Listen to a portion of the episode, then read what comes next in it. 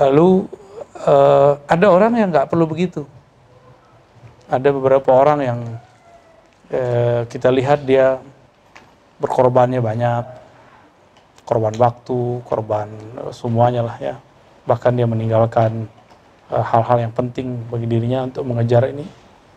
Tapi kalau dia yang mintanya pakai nafsu, saya pun nggak. Maka talkin nggak boleh pakai nafsu. Ya, talkin itu itu adalah desakan kemurnian batin bukan pakai nafsu kita kalau mau talkin zikir. Ini dua hal ini harus dibedakan. Jadi kita belajar zikir pun jangan dengan ambisi pakai nafsu. Santai aja ya. Yang penting ngaji dulu. Makanya di Quran surat Muhammad fa'alam annahu la ilaha illallah ayat 19 ya. Maka ketahuilah kalau Imam Bukhari mengatakan maka ilmuilah Lalu beliau menyebutkan al-ilmu qabla al-qawli wal amal. Berilmu dulu, baru kamu berkata, baru kamu beramal. Itu versi Bukhari. Berarti Imam Bukhari mengerti tahapan talqin.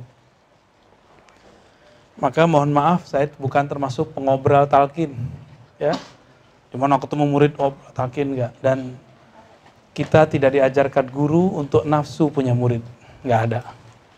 Karena konsekuensi antum talqin itu panjang ya ada hak dan kewajiban. Ya, haknya mendapatkan ilmu, kewajibannya ngamalin. Saya nggak mewajibkan lagi antum robitoh robitoh, robitoh langsung ke Rasulullah. Ya, robitoh zaman ini langsung kepada Rasulullah Sallallahu Alaihi Wasallam. Saya ini cuma babun min abwabi, hanya pintu dari pintu-pintu menujunya. Ya, jadi kalau sudah ngelewatin pintu, ya sudah, udah lewat berarti langsung ke Rasulullah nanti. Nanti dibimbing bersolawat supaya kolbunya terhubung insya Allah kepada Rasulullah Sallallahu Alaihi Wasallam.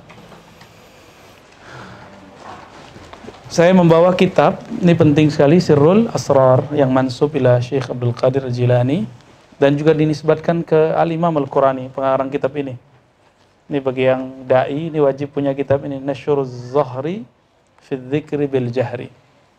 Eh, tentang hadis-hadis kaul-kaul istilah di situ uh, berzikir dengan jahar hukumnya apa dan di sini juga ada sanad beliau kepada baginda Nabi Muhammad sallallahu alaihi wasallam. Taib.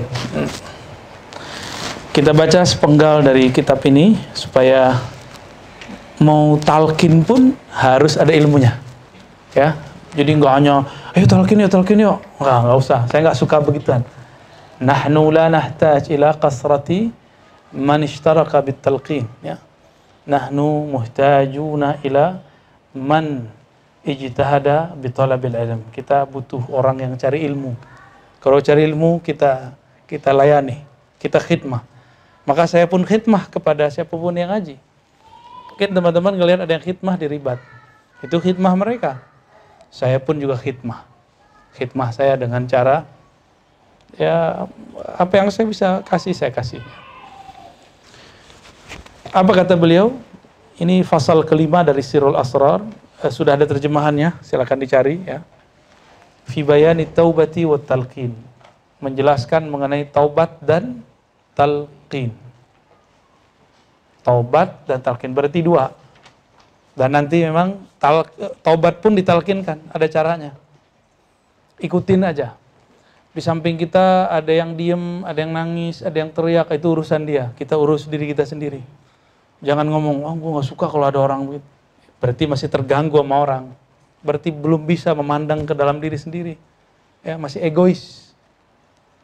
Emang urusannya apa? Mau zikir bersama, zikir sendiri kan itu urusan kita sama Allah.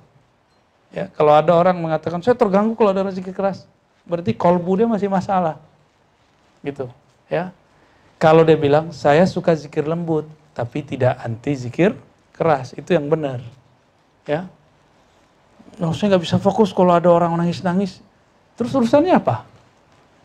Antum lebih baik dari dia. Gak ada urusannya itu. Urusan berarti kolbu kita keras, dia sudah nangis, nggak nangis-nangis. Ya, sudah ada tersentuh, dia nggak kita nggak tersentuh. Ada masalah di kolbu kita. Jangan salahkan orang. Ya, orang udah tersentuh, udah udah bergetar kolbunya kita kok belum bergetar juga. Nah ini yang harus kemudian kita evaluasi ya. Saya banyak sekali dengar keluhan orang-orang. Makanya orang-orang begitu saya nggak terima talkin.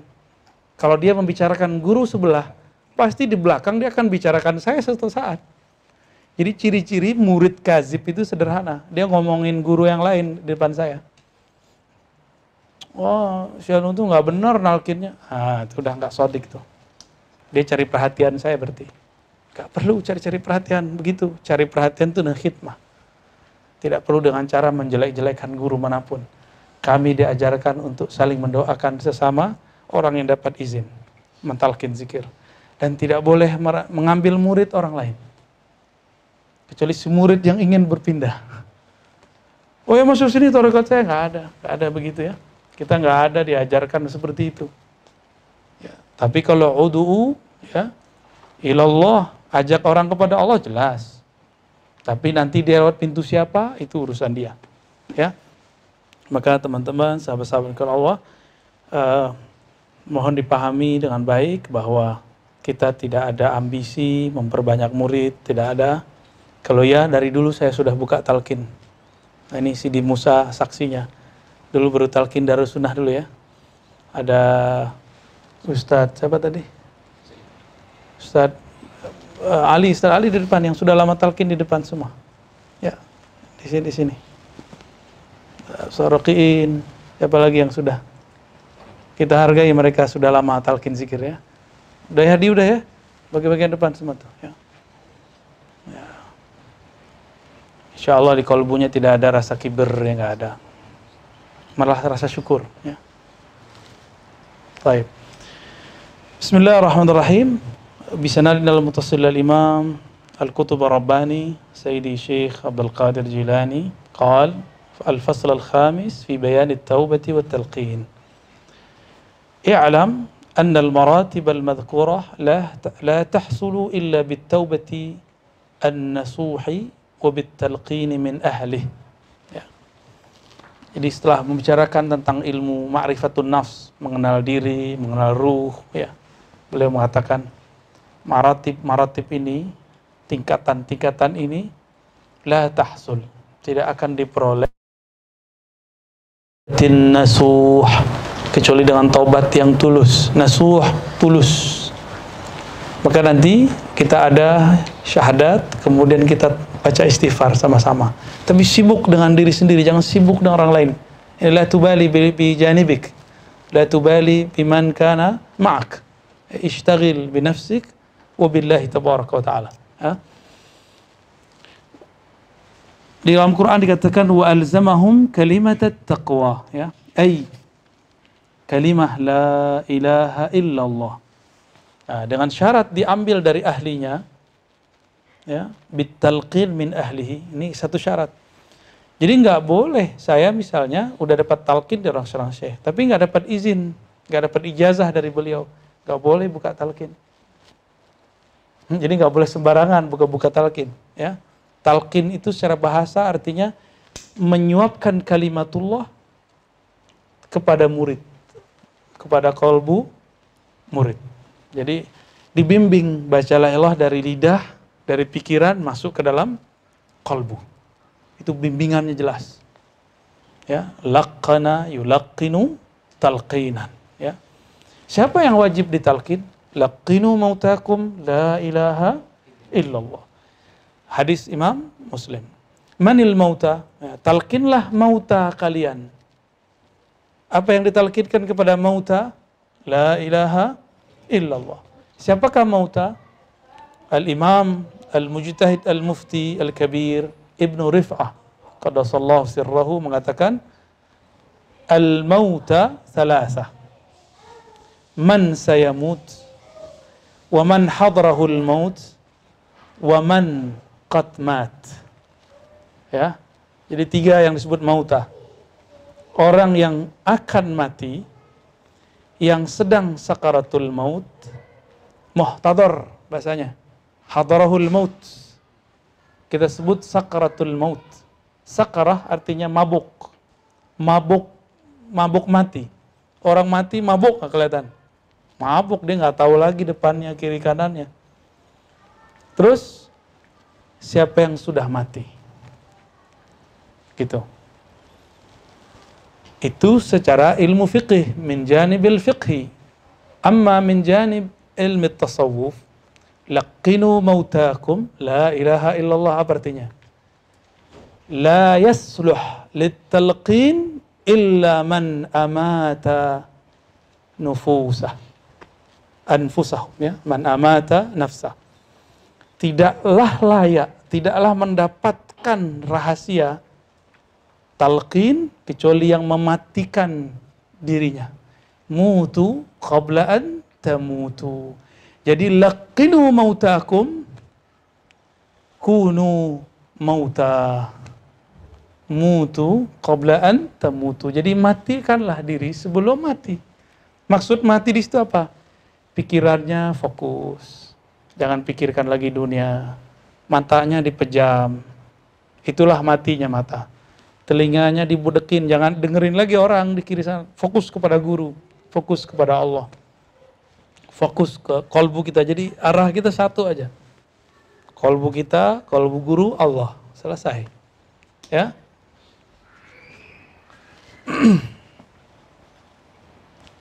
Jadi itu sir dan itu syarahnya belum pernah ada di kitab tuh. Sidi Musa silakan dimasuk ya, dimasukin ke kalam-kalam syarah hadis kita. Ya lakinu mautakum. Inilah asrornya para sufi. Para sufi itu dia setiap hadis itu ada asror bagi dia. Ya, likulli nassin ya uh, zahirun wa batinun ya.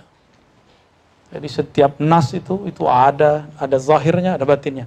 Zahir itu dia apa? Talkinlah orang yang akan mati yang sedang sakaratul maut dan telah mati. Tapi batinnya apa? Kalau mau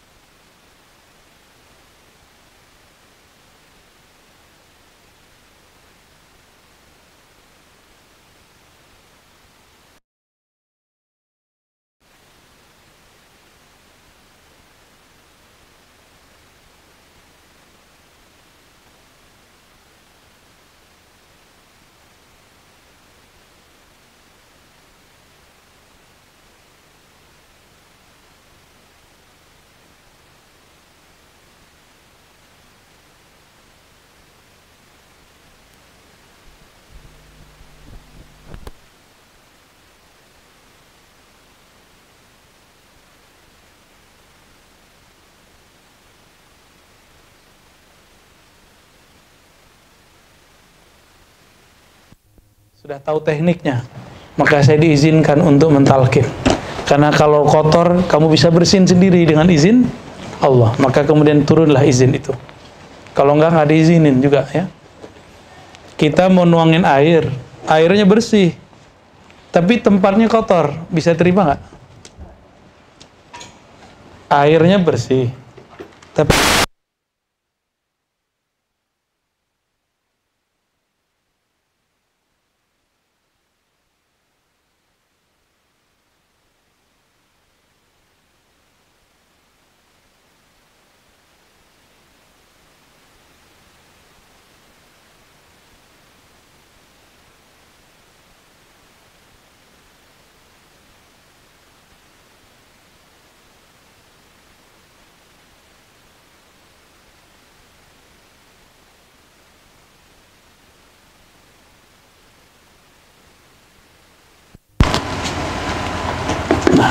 La kullu kalimatin tasma' min afwahil amma.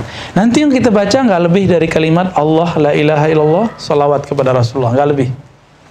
Tapi kalimat ini beda ketika didapat dari orang awam. Karena kalimat ini bersanat. Ya.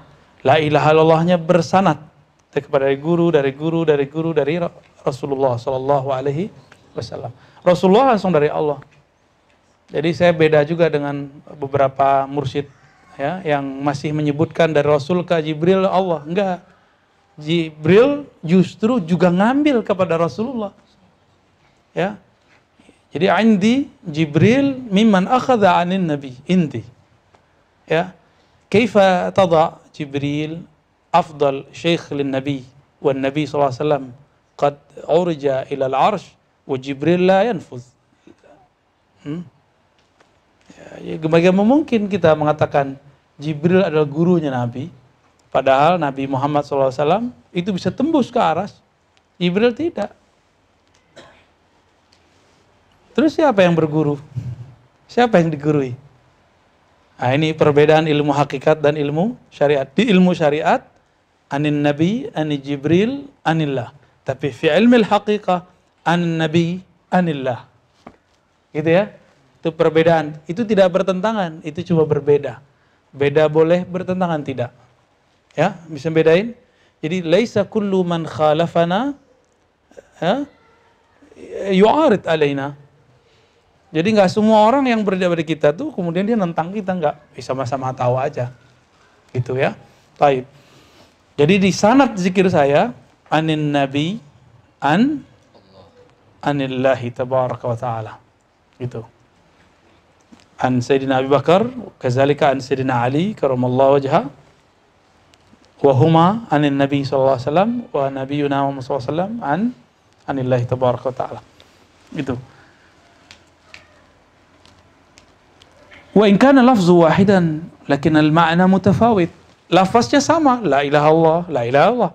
Tapi coba nanti akan beda. Karena ini ada tekniknya yang di sana tidak ada tekniknya. Ya.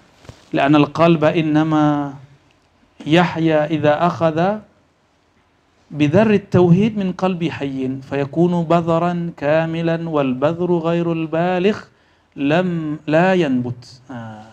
ولذلك بذر كلمة التوحيد في القرآن العظيم في موضعين. ya ada إذا قيل لهم لا إله إلا الله sampai akhir. Jadi talqin itu ibarat seseorang menanam kalimah menanam biji di di kebun. Saya sudah sering sebut ya. Paham itu kan? Kalau biji ini tidak dibenamkan ke dalam, dia tumbuh, tapi akarnya tidak kuat. Asluhu ghairu sabit. Ya. Tapi idza dafanna itu biji habbat tadi kita masukkan ke dalam tanah, tanah di situ adalah kolbu. Kita tekan ke dalam kolbu, maka yanbut walahu aslun sabit. Dia akan tumbuh dan akarnya sangat kuat. Berbekas sampai mati. Insya, insya Allah. Ya. Jadi kalau ada orang mengatakan, saya nggak usah talkin, langsung aja kepada Al-Quran Sunnah. Padahal Al-Quran itu didapat dengan talkin. Akmalut talqin, talqinul Quran. Ya, talqin paling sempurna itu Quran. Maka di Quran baca ba, ta, sa itu musalsalan. Persis kama qara'a syekhuna qara'na. Guru kita baca gimana? Kita baca begitu. Benar gak? Maka akmalu atam al-musalsalat wa talqinat huwa al-Quran. Maka kalau ada orang belajar Quran, nggak lewat guru, pasti bacanya nggak jelas. Dia hafal tapi lewat MP3. Itu pasti bacanya ke hidung ntar. Bunyinya doang yang mirip. Tapi keluarnya beda. Ya, itu banyak. Bismillahirrahmanirrahim. Ya. Karena enggak, mulutnya nggak kebuka. Padahal kalau orang talqin, baca Qur'annya talqin, bi, bi dibuka. Bismillahirrahmanirrahim. Itu musalsal itu. Sama. Talqin zikir juga musalsal. Apa arti musalsal? Bukan mutasil, bedakan mutasil dengan musalsal. Musalsal itu apa arti musalsal? Berantai. Berantai, apalagi? Ya. Menyerupai guru. Guru gimana bacanya, kita bacanya begitu. Ya. Jadi nanti ketika saya bimbing, ayo kita baca dari sini ke sini Nah, nanti ada cara supaya fokus. Kan ini banyak orang nanya dari zaman jebot sampai zaman sekarang ya. Ustadz, Buya, Syekh, Kiai kepada guru-guru kita nih. Gimana caranya supaya khusyuk, zikir nggak banyak pikiran? Maka ulama kita diilhami melalui Sayyidina Al-Khidir Baliha ibn Mulka. Apa itu? Kaifiyatul zikr.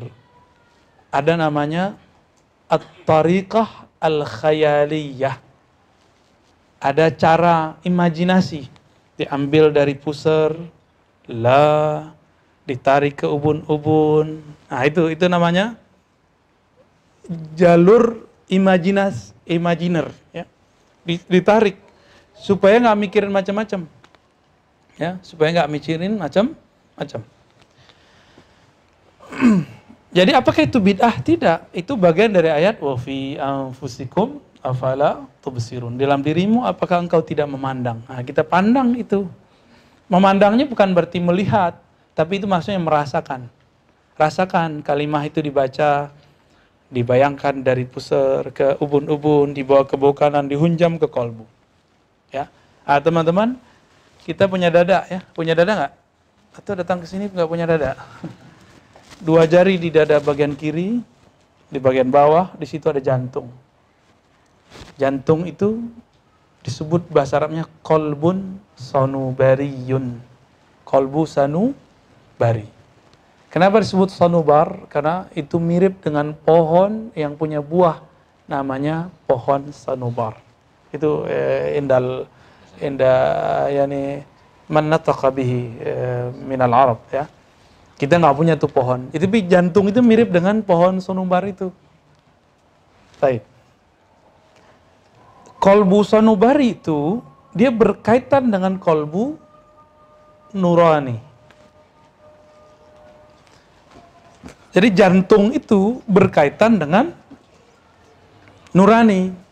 Kolbu, apa arti nurani? Nurani yani kolbun fihi anwar ilahiyah kolbu yang di dalamnya ada cahaya-cahaya ilahiyah. Itu makna kolbun nurani. Ya. Lawannya kolbu nurani apa? Zulmani. Jadi kolbu yang nggak pernah masuk kalimat Allah ke dalamnya, maka kolbunya gelap. Itu yang disebut oleh Nabi. Nawiru buyutakum bis salati wa tilawatil Quran. Cahayai rumahmu dengan apa? Hmm? Tilawatil Quran. Dinonaktifin aja handphonenya ya. Dimatiin aja matiin. Ya, nanti lagi asik-asik talkin bunyi. Coba dimatiin sekarang kalau yang punya handphone ya.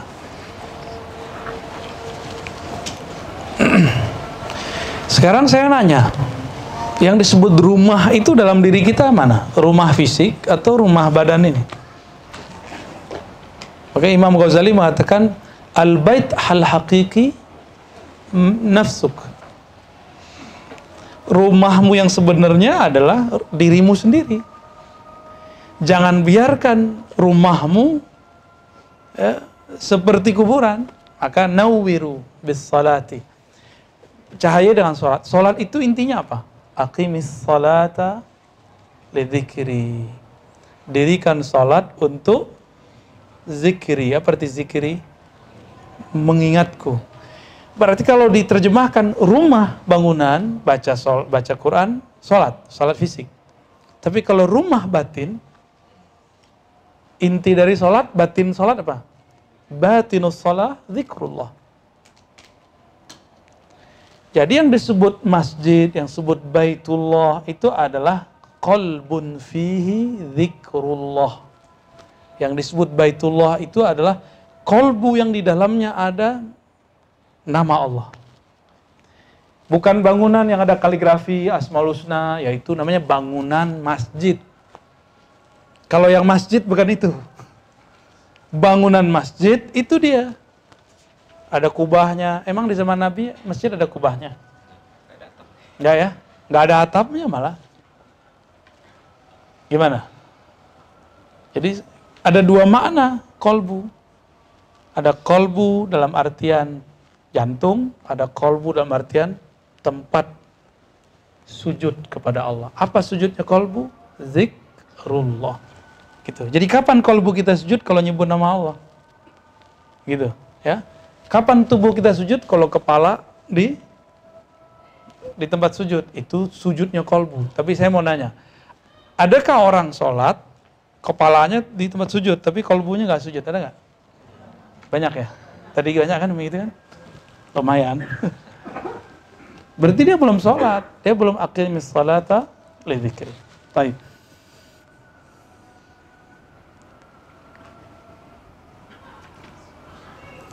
Maka di sini dikatakan ya kalimah tauhid di situ ada kalam kalamnya idza qila lahum la ilaha illallah surat Safat misalnya. Berarti ada yang qala, ada yang menerima kaul. Ya.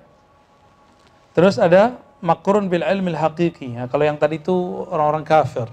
Ya, ketika dibacakan la ilallah dia nggak terima. Tapi kalau mukmin fa'lam annahu La ilaha illallah. Panji, tutup aja lantai dua pintunya ya. Fa'alam al-ilmu huwa al-idrak at-tam. Ya. Ilmu itu adalah pengetahuan yang tepat. Saya nggak artikan sempurna. Yang tepat, sempurna hanya milik Allah. At-tam indana yakni al-musib yang tepat pas masuk ke kolbu. Itu yang kita sebut dengan fa'lam annahu la ilaha illa wastaghfir li dzambika walil mu'minina wal mu'minat. Ya. Maka sebelum kita mentalkinkan kolbu, yang perlu kita lakukan adalah dua tobat. Satu tobat zahir. Zahir itu tubuh fisik. Mata punya dosa nggak? Sebelum ke sini matanya jelalatan nggak? Ya, telinga? Apalagi? Mulut. Mulut. amla e, eh, panji. Halas, aghlaqta. tah? min aina sut? Min daura alula? Taib. Uh, lalu ada dosa yang zahir tadi, ada dosa yang batin. Jadi di kitab ini dikatakan ada at-taubah an mujarradiz dzunub az-zahirah. Ada orang tobat dari dosa zahir itu sudah merasa suci. Nah, itu ahli fikih, orang baru hijrah. Nah, kita nggak mau yang begitu. Kita mau yang lebih. Kebanyakan orang yang tobat dari dosa yang zahir, dia merasa sok suci. Hmm. Dia merasa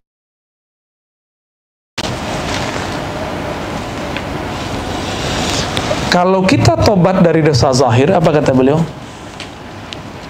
kaman yaqta hashish zara min far'ihi la yashtaghil biqal biqal'ihi min usulih kita ada banjir banjir di satu tempat kita cuma urus tempat itu tapi sumber banjirnya kita nggak urus selesai nggak banjirnya ada akar yang merusak yang menjadi hama di situ pohon daun-daunnya banyak terus daun-daun ini kita bersihkan. Oh daun banyak nih, tapi akarnya kita nggak potong. Gimana? Tumbuh lagi nggak dia? Maka tobat itu ada tobat furu, ada tobat usul.